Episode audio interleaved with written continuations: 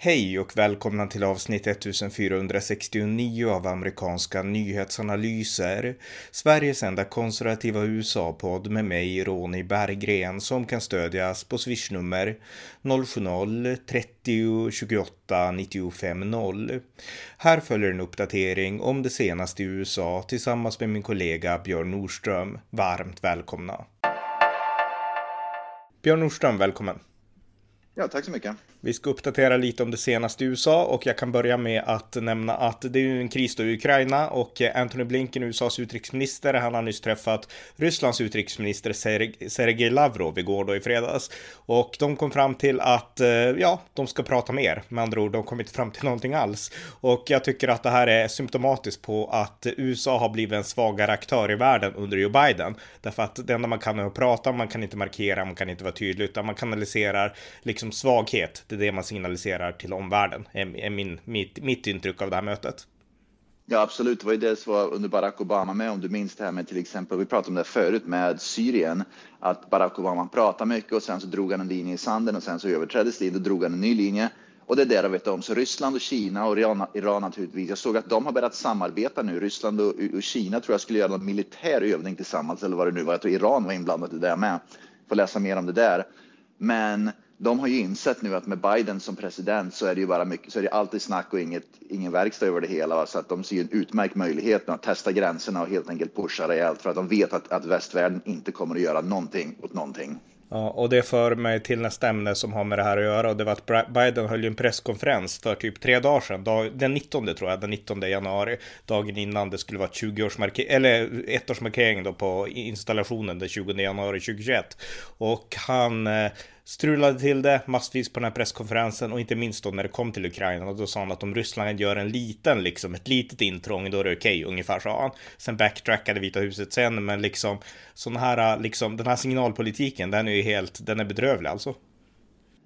Ja, det här är ju pinsamt för hon Jen Psaki som då är presstales person då för Vita huset, hon fick ju gå ut och städa upp det där rejält. Det, det, det är bokstavligen så att, att, att press, presskåren i Vita huset är en städservice för Joe Biden. Han slänger ur sig grodor och de måste komma och städa upp. Men jag såg också att vänstern är förbaskad på nu på Joe Biden och Joe Manchin och uh, Kristen Sinema. Så att vänstern ogillar ju vad Joe Biden. Så jag tror inte Joe Biden, han har liksom inget stöd, det vet vi redan nu, har han ju 33 procent eller vad det är. Så det är ing, vänstern ogillar honom, republikan, alla ogillar egentligen Joe Biden. Han liksom har ingen princip, han har ingen moral, han liksom följer ingenting utan han bara hoppar hejvilt och så vidare. Så att han liksom, inte ens vänstern ger honom stöd så att han, han är totalt ute och simmar. Och det är naturligtvis det som också eh, Kina, Ryssland och Iran vet om att ingen, han har väldigt lågt stöd i USA av alla grupper i princip och det gör ju det att de får ju ännu mer styrka av det för de vet att, att, liksom, att vad han än gör så ogillas det i hela USA. Mm, ja, verkligen. Ja, har du någonting? Jajamän, vi kan ju börja med, uh, det var ju den här synagogan som uh, vi pratade om förra veckan, förra podden som var, blev uh, Ja, utsatt för ett typ kidnappnings... Gisslandrama. Gisslandrama. Precis. Precis, och det är tydligen som man anhållit ännu fler personer i England nu. Så det gisslandramat har tydligen... För, för, nummer ett, det ska klassificeras här i USA som terrorism. Hatbrott och terrorism. Så det är tydligen muslimsk terrorism som ligger bakom och nu har de tydligen arresterat ännu fler i England. Så det är England som den här härvan startade med flera stycken yngre män, eh, muslimska män inblandade. Så här är betydligt större än vad vi tror. Den personen som var här i USA, han kom in på visum, på något slags turistvisum under Joe Biden för bara ett par veckor sedan. Han kom hit för tre, fyra veckor sedan, så han slank igenom alla de här säkerhetskontrollerna och kom in i USA bara för några veckor sedan på ett visum. Så att det här startade i, i, i England och sen har, har liksom kommit hit. Va? Och det visar att Biden har ett, att han liksom släpper in vem som helst. Va? Mm. Så det verkar som att säkerhetspolitiken under Biden risken för terrorism här i USA, att människor kommer hit från andra länder för att begå terrorbrott har ökat rejält eftersom de slinker igenom de här näten som finns, som man tro, tro, hade hoppats skulle finnas i alla fall. Mm. Men då vill jag göra parallell till historien, därför att det här är intressant. När Donald Trump kampanjade 2016, en av de här sakerna som gjorde att han ville ha liksom, det vart mycket prat om att han stänger gränsen mot x antal muslimska länder. Nu är inte England ett muslimskt land så, men han gjorde det på grund av en terrorincident, den i San Bernardino i Kalifornien, jag tror att det var julen 2015 eller något sånt där Eh, och ja. Donald Trump såg det och han insåg att en av de här personerna, jag tror kvinnan, gärningspersonen, hon kom från, om det var Pakistan eller något. Han tänkte, hur kunde hon bara komma hit och begå terrorbrott? Det är för att vi har öppna gränser mot de här skräpländerna, sa Donald Trump. Och nu är det såklart inte samma sak med England. England och USA är liksom jättetajta, men, men liksom principen, säkra gränser för att skydda mot terrorism, det är ju den som Biden har övergett.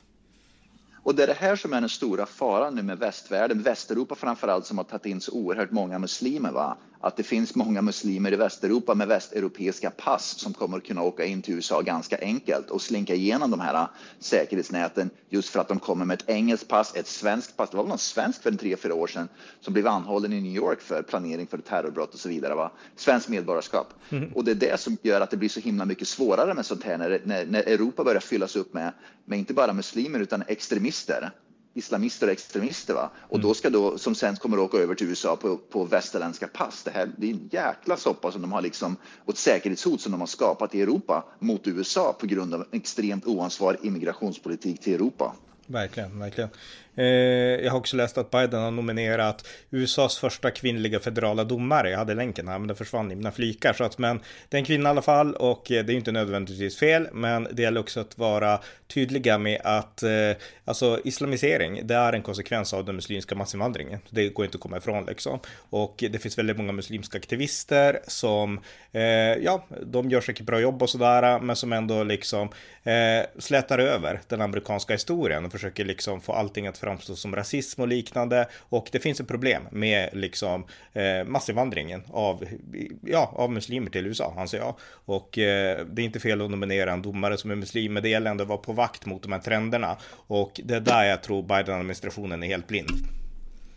Ja visst, och man vet ju inte heller om den personen uh, stödjer sharia, uh, inte kanske officiellt, men i bakhuvudet. Va? Och sen om, om man stödjer sharia eller har någon form av vad ska man säga, sympati för sharia, då går man ju rakt emot konstitutionen. Va? Så att sånt här kan gå jäkligt snett, jäkligt snabbt. Va? Och det, det, är omöjligt för oss att veta om en person har någon form av sympati för sharia. Va? Men när man börjar tillsätta muslimer på extremt viktiga juridiska poster så ökar sannolikheten att problem skapas, att man helt enkelt tittar på andra saker än till exempel, och det har vi sett i Sverige med i domstolssystemet, i Malmö är det väl sharia-domstolar som styr det mesta numera inom den muslimska diasporan och inte svensk lag. Och det är ju det är livsfarligt om det börjar ske. Det är sannolikheten att det sker när man börjar tillsätta massa muslimska domare här i USA, den ökar ju naturligtvis med då. Mm. Eh, hon heter Nusrat Jahan Chowdhury, heter hon, och hon, kommer, hon har bakgrund i Bangladesh, så att jag tror inte att de är jätteextrema, utan det är mer vanliga. Men hon har stöd av eh, Council on American eh, eh, Islamic Relations, CARE, och det är ju en av de här mer extrema lobbyorganisationerna i USA som är liksom det muslimska bröd, brödraskapets amerikanska gren skulle jag säga. Så att, och sen har de Sen är de stöd av, av, av, amerikanska vänstern med. Och har man stöd av amerikanska vänstern så vet man att då kan det inte vara bra.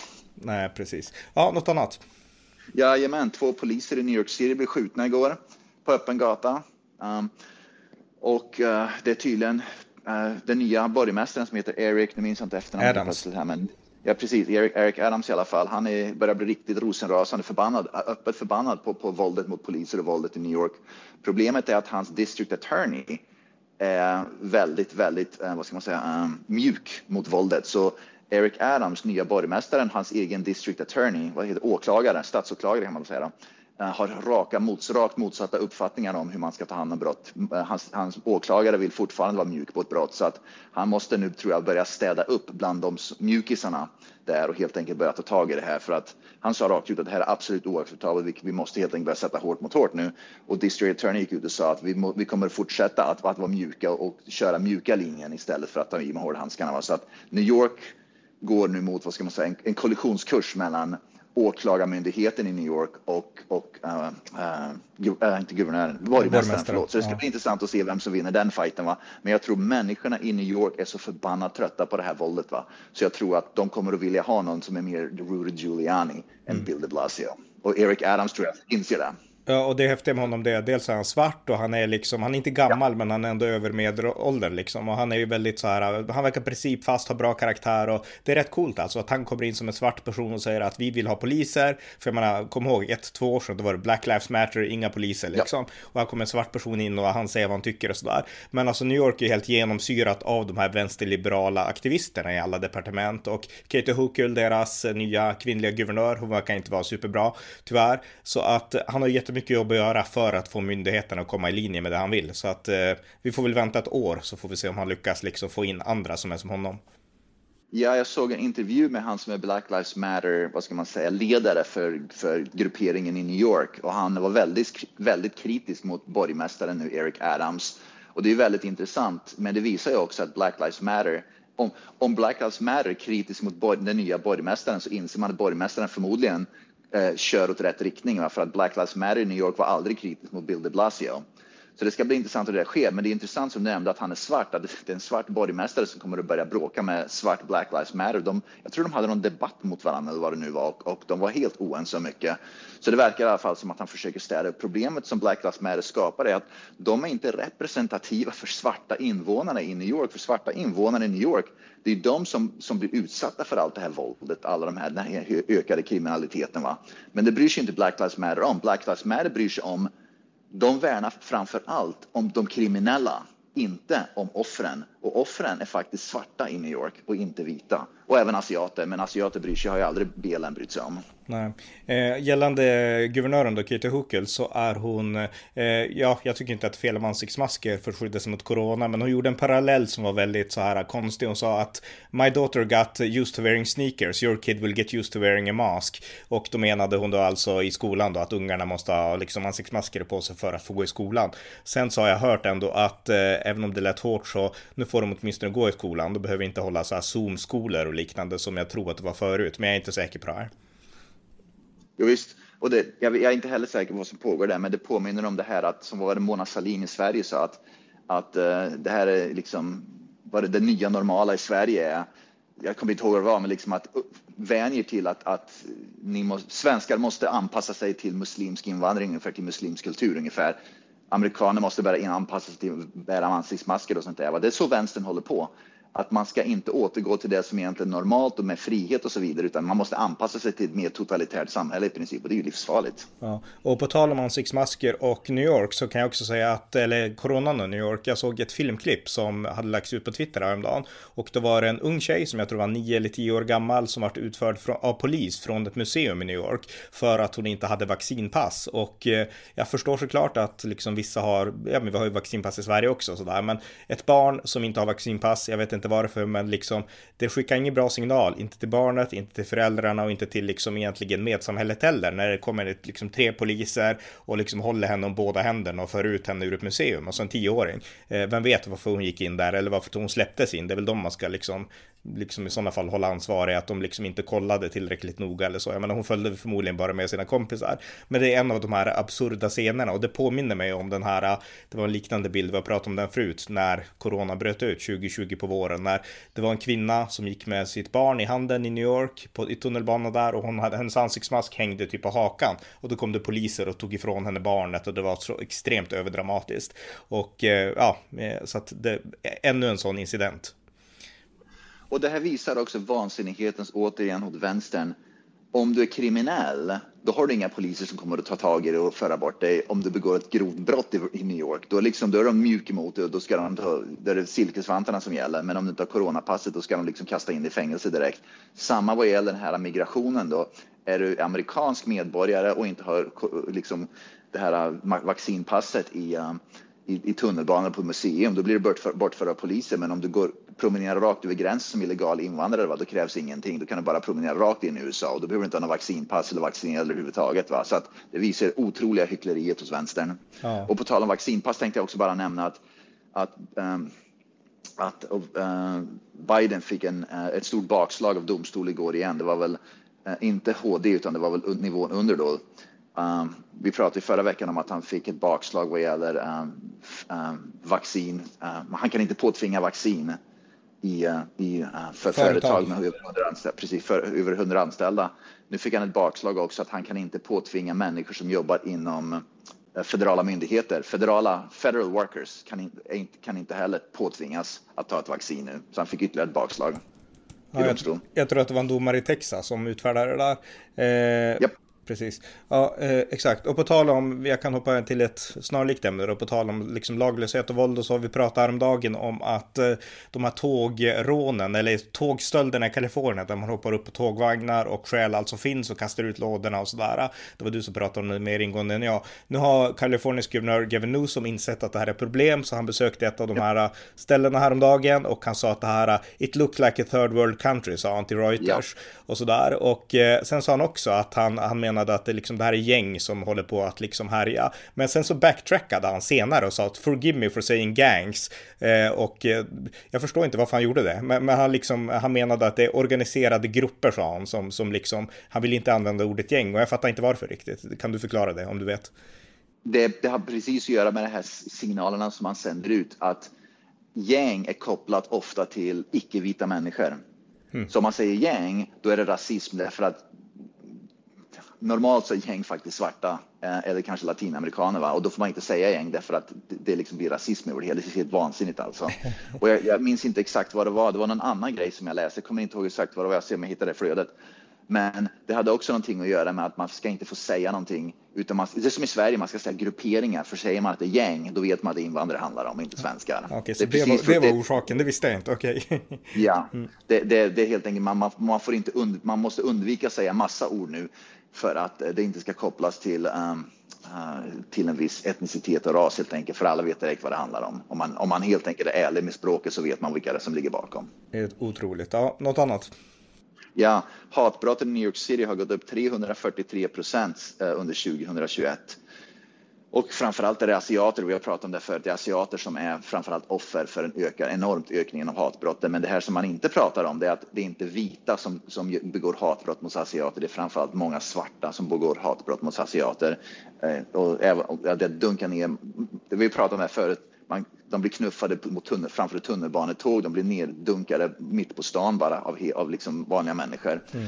Så New York har ett problem nu om man ska vara ärlig och titta på vilka som är gärningspersonerna så kommer man upptäcka att det inte bara är massa vita som ligger bakom hatbrotten. Det är inte hatbrott bland vita som ligger bakom hatbrotten mot svarta, utan det är många svarta som ligger bakom hatbrotten mot asiater. Och det är någonting som jag tror vänstern kommer inte ta upp det, Black Lives Matter kommer inte ta upp det. Vi får se om Eric Adams kommer att ta upp det. Men när man börjar se sån här statistik så måste man ju också börja titta på vilka är det som ligger bakom ökningen av hatbrotten. Va? Så det här kommer att skapa ett dilemma. Vågar man prata om verkligheten eller ska man dölja det och sen återgå till bara prata om rasismen mot svarta som vita ligger bakom? Va? Även om det inte är det som ligger bakom ökningen. Ja, verkligen. Eh, en annan sak jag kan nämna det är att eh, på tal om New York City då, de har nu i New York så har man tagit ner en staty ut, eh, utanför eh, New York Citys American Museum of Natural History av Theodore Roosevelt, alltså USAs, eh, jag tror att det var hans, den 36 presidenten som ledde landet i början av 1900-talet och eh, ja, det var han som införde den progressiva rörelsen i USA innan det blev woke och väldigt konstigt som den är idag, men när man ville hjälpa arbetare och så. Eh, en staty utanför där han stod, satt på en häst, han var ju väldigt så här vilda västern-president Roosevelt, även om han levde typ tre generationer efter vilda västern. Men han Eh, Eh, han sitter på en häst och så bredvid honom så står en svart man på en sida och en indian på en annan sida. Så att alla menade att den här statyn som eh, är från 40-talet, det, det, är rasism och nu har man helt enkelt plockat ner den. Och jag har sett filmklippet på YouTube. Det är tragiskt, man sänker en låda över den här statyn, så lyfter man upp den med en lyftkran, sen är den borta. Och det är en total nedmontering av USAs historia. Alltså Roosevelt finns på Mount Rushmore. Det här är en av USAs viktigaste presidenter och eh, man gör så här. Det, ja, det är tragiskt. Ja, och jag ser inget slut på det här. Vänstern kommer att fortsätta med det här. De ser rasism och letar man rasism kan man hitta det precis vad som helst och det är precis det de gör. De bara går och letar efter så mycket som möjligt. Va? Och för, det har egentligen ingenting med rasism att göra. De vill bara nedmontera samhället som det är idag och historien som den egentligen är och sen återskapa deras dysfunktionella samhälle som de har tänkt sig. Va? Och det är det vi ser nu med det här woke-rörelsen och cancel culture och, och, och vad heter det, den här identitetsrörelsen. De vill, de vill skapa ett helt nytt samhälle baserat på det uh, från, från grunden. Ja, det är ju, usch. Ja, något annat? Ja, på tal om det. Vi pratade om den här simmaren Leah Thompson Leah Thomas, förlåt, som är en transgender, en man som tävlar som kvinnlig simmare, som först var en manlig simmare i ett par år på universitet i USA och sen blev en kvinnlig simmare helt plötsligt och spöade skiten ur alla kvinnor och sen vann. Tydligen så fram, framkommer det nu um, vittnen som säger att Leah Thompson förlorade en tävling mot en kvinnlig simmare. Men det framkommer information nu att det var uppgjort från början därför att det, finns, det fick så mycket uppmärksamhet att en, en, en biologisk man spöar skiten ur en massa kvinnliga simmare. Va? Och då gjorde de tydligen upp med en annan kvinnlig simmare att låta en kvinnlig simmare vinna. Uh, vinna en tävling just för att uh, det skulle få mindre uppmärksamhet så man ska kunna titta, en kvinnlig simmare slog den här Alea Thomas nu i alla fall. Så det, det är eh, korruption bakom det hela. Va? Det som är intressant nu är att NCAA, vilket är National Collegiate, det, organisationen, institutionen som då um, ligger bakom collegeidrotten, NCAA, NCAA 2011 skapade en, en, en 2011 så skapade NCAA då som styr collegeidrotten en, en lag som säger att är man transgender så måste man få tävla eh, på ett, rest, på ett rättvist sätt. Va? Man må, ens, eh, kvinnor med biologiska män har rätt att tävla mot biologiska kvinnor, punkt slut. Med andra ord, man sket i kvin biologiska kvinnor för man tyckte det är viktigare att, att transgenders biologiska män ska få bättre, ska få mer rättigheter för att tävla mot kvinnor. Nu i alla fall för bara ett par dagar sedan så tog NCAA bort den lagen. Det, är liksom inte en, en lag stiftad av en kongress utan den, vad ska man heta, den är stiftas av en egen institution, av liksom fotbollsförbundet och sådär. Va? De i alla fall droppade den nu 11 år senare och sa att nu får helt enkelt varje idrottsförbund komma fram. Så egentligen så vad ska man, de fega ur lite grann. De tog bort den regeln, men de var också fega ur genom att säga att nu får varje idrottsförbund besluta hur de ska hantera uh, biologiska män som tävlar mot kvinnor. Och jag såg att Michael Phelps, om du, du vet kanske vem det är, ja. han kanske är förmodligen den bästa manliga simmaren, den bästa simmaren i historien. Han vann väl 21 guld eller vad det nu var. Mm. I alla fall. Han indikerade, han, han fegade väl ur lite grann, men han indikerade att det här är inte rätt. Det är, det är, inte, det är någonting som inte stämmer när biologiska män tävlar mot biologiska kvinnor. Man försöker hitta på någonting nu som gör att det här funkar. Min, han, han indikera att det här var galenskaper som pågick nu, att biologiska män ska tävla mot biologiska kvinnor. Men han vågar inte riktigt säga det rakt ut. Han liksom tassar runt det som katt runt het gröt ungefär. Men hans lösning verkar vara i alla fall det min tolkning av det. Hans lösning var att, det, det du har nämnt förut också, det är att man kanske ska ha en egen, vad ska man säga, en manlig män och kvinnor och sen en tredje kategori som tävlar bara mot varandra, vilket är transgenders. Det var ungefär det som han indikerade skulle vara en bra lösning på det hela. Va? Men gå ut och säg det rakt ut. Han är ju stenrik så han har inte, behöver inte vara rädd för det. Man hade varit rädd för drevet helt enkelt. Mm. För att säga det rakt ut. Ja, han kanske lyssnar på vår podd, fast den är på svenska så kanske inte. Men, ja, ja, det vore ja. härligt. Ja. Ja. Eh, något annat? Uh, jajamän. Eh, jag såg till och med att Expressen nu och det är faktiskt bra till och med svensk media. Det var Expressen som gick ut, vad heter han, Mats Larsson tror han heter, jag vet egentligen inte vem det är med. Men de sa att Joe Biden, så får tala om Biden igen, hans luddiga, vad ska man säga, uttalanden och hans, vad ska man säga, ökar risken för krig. Va? Så nu till och med Expressen har gått ut och insett att Joe Bidens bisarra beteende kommer att öka risken för krig. Va? Så alltså äntligen så är det till och med lite svensk media som inser att Biden helt enkelt inte är fit för att, att leda västvärlden helt enkelt. Därför att han, han kan liksom inte hantera presskonferenser och han säger saker och ting utan att veta vad han säger. Mm. Ändå gjorde svensk media allt för att bana väg för Biden. De hypade honom till skyarna, det minns jag mycket väl. Så att, men bra att ja, man absolut, kan absolut. ändra sig efterhand. ja. Men vi har ju pratat om det, nej, ja. nej, vi pratar om det också mycket nu, att folk kommer att inse över tid. Målet var att få bort, få, var att få bort nu äh, Donald Trump, va? men de kommer att inse att Biden blir ett betydligt större problem när de väl inser att Biden är en helt opassande president. Mm. Eh, nästa, sak, ja, nästa sak jag kan säga då, det är att igår, så, eller i fredag, ja igår då, i fredag så var det eh, March for Life, alltså pro-life demonstration i Washington DC och det var den 49 i ordningen. Och nästa år så är det 50 år sedan Roe vs Wade, alltså när aborter varit helt legalt i USA. Och eh, nu så har man förhoppningar om att högsta domstolen som kommer att förmodligen hantera Roe vs Wade eh, nu i sommar de har hört argumenten i liksom det som kallas eh, Dobbs vs Jackson och, eh, och liksom det som kan påverka det här gamla HD-beslutet. Så att en stor marsch hölls igår och det var av vad jag läst tiotusentals människor som var där. Så att eh, ja, stor demonstration pro-life igår. Ja, det är väl det här som Chuck Schumer för inte så himla länge sedan, bara för några, någon vecka sedan eller två, gick ut och sa att det här med andra ord om om HD tar upp sådana här saker nu så, så uppmanade vänstern, även Chuck Schumer, till att nu måste vi begå i princip våldsam revolution. Helt enkelt uppmana människor att gå ut med vapen på gatan och börja skjuta ihjäl människor. Ungefär. Det, är det, det är ungefär det som de uppmanar till nu. Att om inte vi får som vi vill angående eh, abortfrågan, då måste vi börja ta till våld. Ännu mer våld än vad vi gjort tidigare. Va? Det är ja. ganska otäckt egentligen. Vänstern och även då Chuck Schumer och Nancy Pelosi, de här demokraterna då, att de kan liksom hålla på med den retoriken. Va? Om Trump hade sagt sådana saker, då hade de ju omedelbart attackerat honom att jaha, nu ska han liksom med totalitära våldsmetoder ta över samhället ungefär. Va? Men när Chuck Schumer går ut och säger sånt där, eller till exempel, eh, vad heter de, Max, eh, den här, hon från Kalifornien. Eh, Maxine Walters. Max, va, precis, när de går ut och gör det, då är det helt okej, okay, för då skyddar vi demokratin. Om vi går ut med våld, det är som i Sverige med, va? om vänstern går ut med våld, då skyddar vi demokratin och, och, och, vad ska man säga, värnar om demokratin. Och, vilket är helt bisarrt alltså. Mm, ja. Eh, på tal om aborter, jag kan bara nämna lite kort, alltså det här är en intressant fråga därför att i fråga om gayäktenskap, i fråga om Mariana, i fråga om massa frågor som förut skilde liksom konservativa från liberaler så är den här frågan den där det liksom fortfarande är, ja, där har man inte ändrat sig utan konservativa är emot aborter nästan oavsett ålder på de konservativa. Eh, så att det här är frågan där man inte ändrar sig, så det är rätt intressant, men det, ja, det får vi djupanalysera vid annat tillfälle då. Eh, något, något annat? Jajamän, på tal om, för att återgå till transgender, eh, jag vill bara nämna att Arizona, delstaten Arizona, precis som andra del, flera andra delstater, har gått ut och sagt att Arizona har, vill försöka driva... Arizona är fortfarande i delstaten, även om det är två demokrater som är senatorer här, eh, så är fortfarande Arizona som delstat en konservativ delstat. De har gjort, lagt ut en motion nu att de vill eh, förbjuda transgender biologiska män för att tävla mot biologiska kvinnor helt enkelt i all idrott här i Arizona. Så vi får se hur det går. Ja. Ja, bra. Eh, en annan sak jag kan ta upp då, det är det här med inflationen och eh, löner. Alltså det har varit så här problem med löner och så där. Många tycker att de har för lite pengar och eh, förra året så gick eh, lönerna upp. Eh, timlönen gick upp eh, generellt med 4,7 procent förra året, eh, men i praktiken så sjönk lönerna med 2,4 procent på grund av inflationen. Så att inflationen har verkligen ätit upp alla löneökningar så att amerikaner är i praktiken fattigare, även om det i, liksom, i siffror ser ut att vara mer i börsen.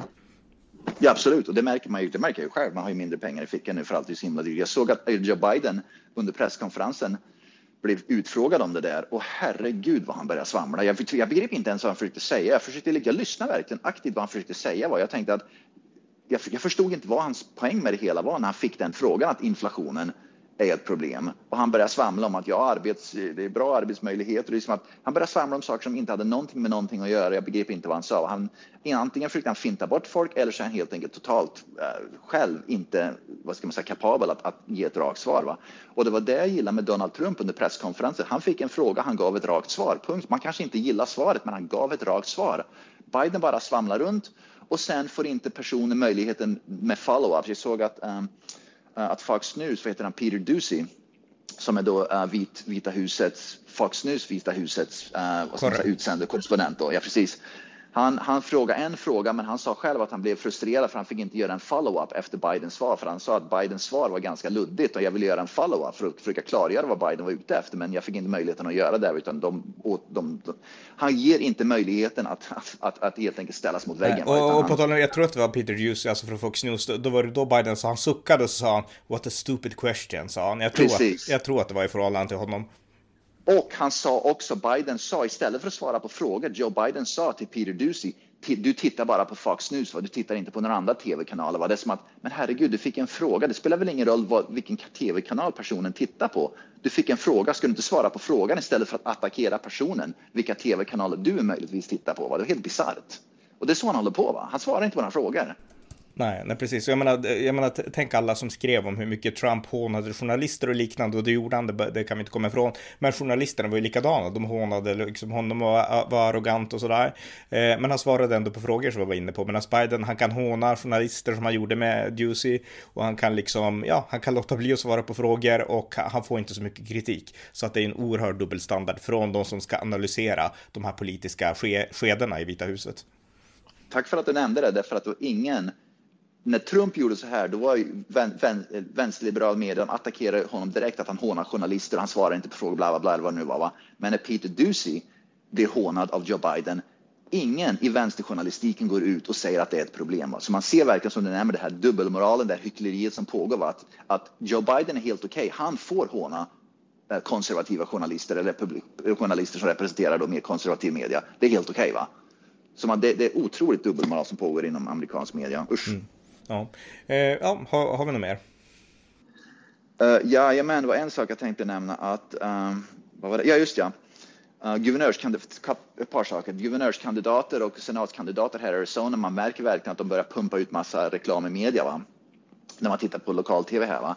Och man verkligen ser det, det är ett par trender som pågår. En, stoppa illegal invandring. En annan är bygg muren. Eh, om inte Biden bygger en mur här i Arizona så kommer vi att göra Om, jag, om det röstar fram mig lokalt här så kommer jag hjälpa till att bygga muren va, på ett eller annat sätt. Va? Så man ser verkligen, och man ser också att, att det är enormt mycket, vad ska man säga, att emot Joe Biden. Att med andra ord, man kampanjar nu kandidater, även om du ska bli guvernör här i Arizona, republikansk guvernör, eller om du är republikan som då vill kampanja för att försöka bli, komma in i senaten i höst. Så eh, man använder sig av Joe Bidens usla presidentskap som en kampanjgrej nu. Att Joe Biden förstör samhället, han vill ditten och datten, va? men med andra ord att det är mot illegal invandring, för en mur, mot Joe Biden. Va? Så jag tror att det, det, man, man, ser, man har mycket vind i seglet nu här tack vare eller på grund av Joe Bidens usla presidentskap. Mm. Ja. Och den andra saken jag tänkte nämna också, jag såg nya siffror här nu under 2021. Kalifornien tappade uh, 367 000 folk. De, de, de det blev en nettoutflyttning från Kalifornien med 367 000, Arizona nettoinflyttning med 93 000 och Texas med 170 000 nettoinflyttning. Så man ser vilka delstater som ökar. Rent politiskt så påverkar det ganska kraftigt därför att som vi pratade om förut, va? Uh, Kalifornien har tappat en, eh, vad heter det, electro, electoral och uh, Texas tror jag har fått en mer, om inte ens två till och med och Arizona kommer snart att få ytterligare en. Va? Så att migrationen som pågår inom USA just nu Eh, hjälper Republikanerna att vinna ännu mer eh, vad ska man säga, stolar och säten runt om landet. Och även då federalt. Och jag såg också en sak som är viktig, det är att, eh, att eh, antalet, det har alltid varit så att antalet registrerade röster som har stött Demokratiska partiet har legat någonstans med tror jag, 47, 47 procent av registrerade väljare har stött Demokraterna och 43 ungefär har stött Republikanerna. Va? Men den siffran har gått ner nu. Det är för första gången på flera decennier när det är fler registrerade republikaner än registrerade demokrater i landet. Med andra ord, antal registrerade republikaner har ökat till 46-47 procent. Antal registrerade demokrater har gått ner till typ, de har bytt plats ungefär, har gått ner till typ 43 procent. Och inte bara att antalet registrerade republikaner ligger betydligt högre än demokraterna för första gången på mannaminne.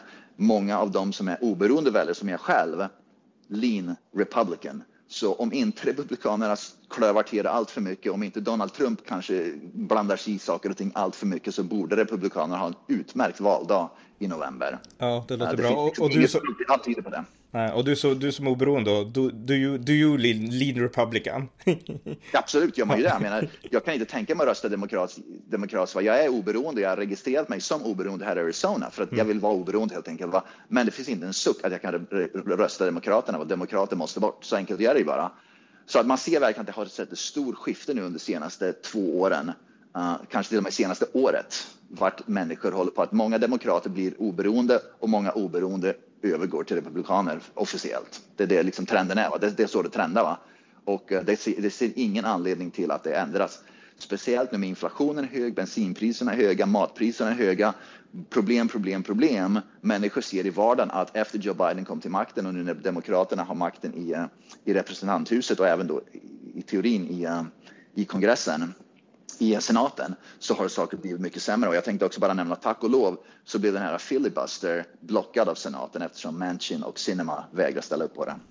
Precis, ja det var fantastiskt bra av dem. Och jag har läst också, på tal om det, vi kan ta det att eh, Kirsten Sinema från din delstat, demokrater, senatorn, eh, hon, nu är partiet jättearga på att hon blockade filibuster och sådär, så att de vill att hon ska typ tystas eller någonting inom sitt eget parti. Så att hon har ju, eh, hennes parti hemma i sin delstat är inte alls glada, verkar det som. Jag ser också att tittar man på lokal-tv här så är det också, de pumpar ut reklamer nu. Eh, vissa stödjer henne och säger, vissa reklam säger att hon står upp för demokratin och sen så är det andra som pumpar ut reklamer och säger att hon håller på, med ett hot mot demokratin. Så att det är folk här i Arizona, många och vissa är rosenrasande på henne, men hon är väldigt poppis nu bland, eh, bland republikaner och konservativa i Arizona så att hon, hon har blivit en liten Joe Manchin eh, i West Virginia då, fast här i Arizona, en, en, en demokrat som står upp för rätt saker. Mm, precis. Ja, det var allt jag hade. Du har inget mer? Bix. Okej, okay, perfekt. Tack. Det var avsnitt 1469 av amerikanska nyhetsanalyser. En konservativ podcast om amerikansk politik som kan stödjas på swishnummer 070-30 28 95 0 eller via hemsidan på Paypal, Patreon eller bankkonto. Det var allt för den här gången. Stort tack för att ni har lyssnat.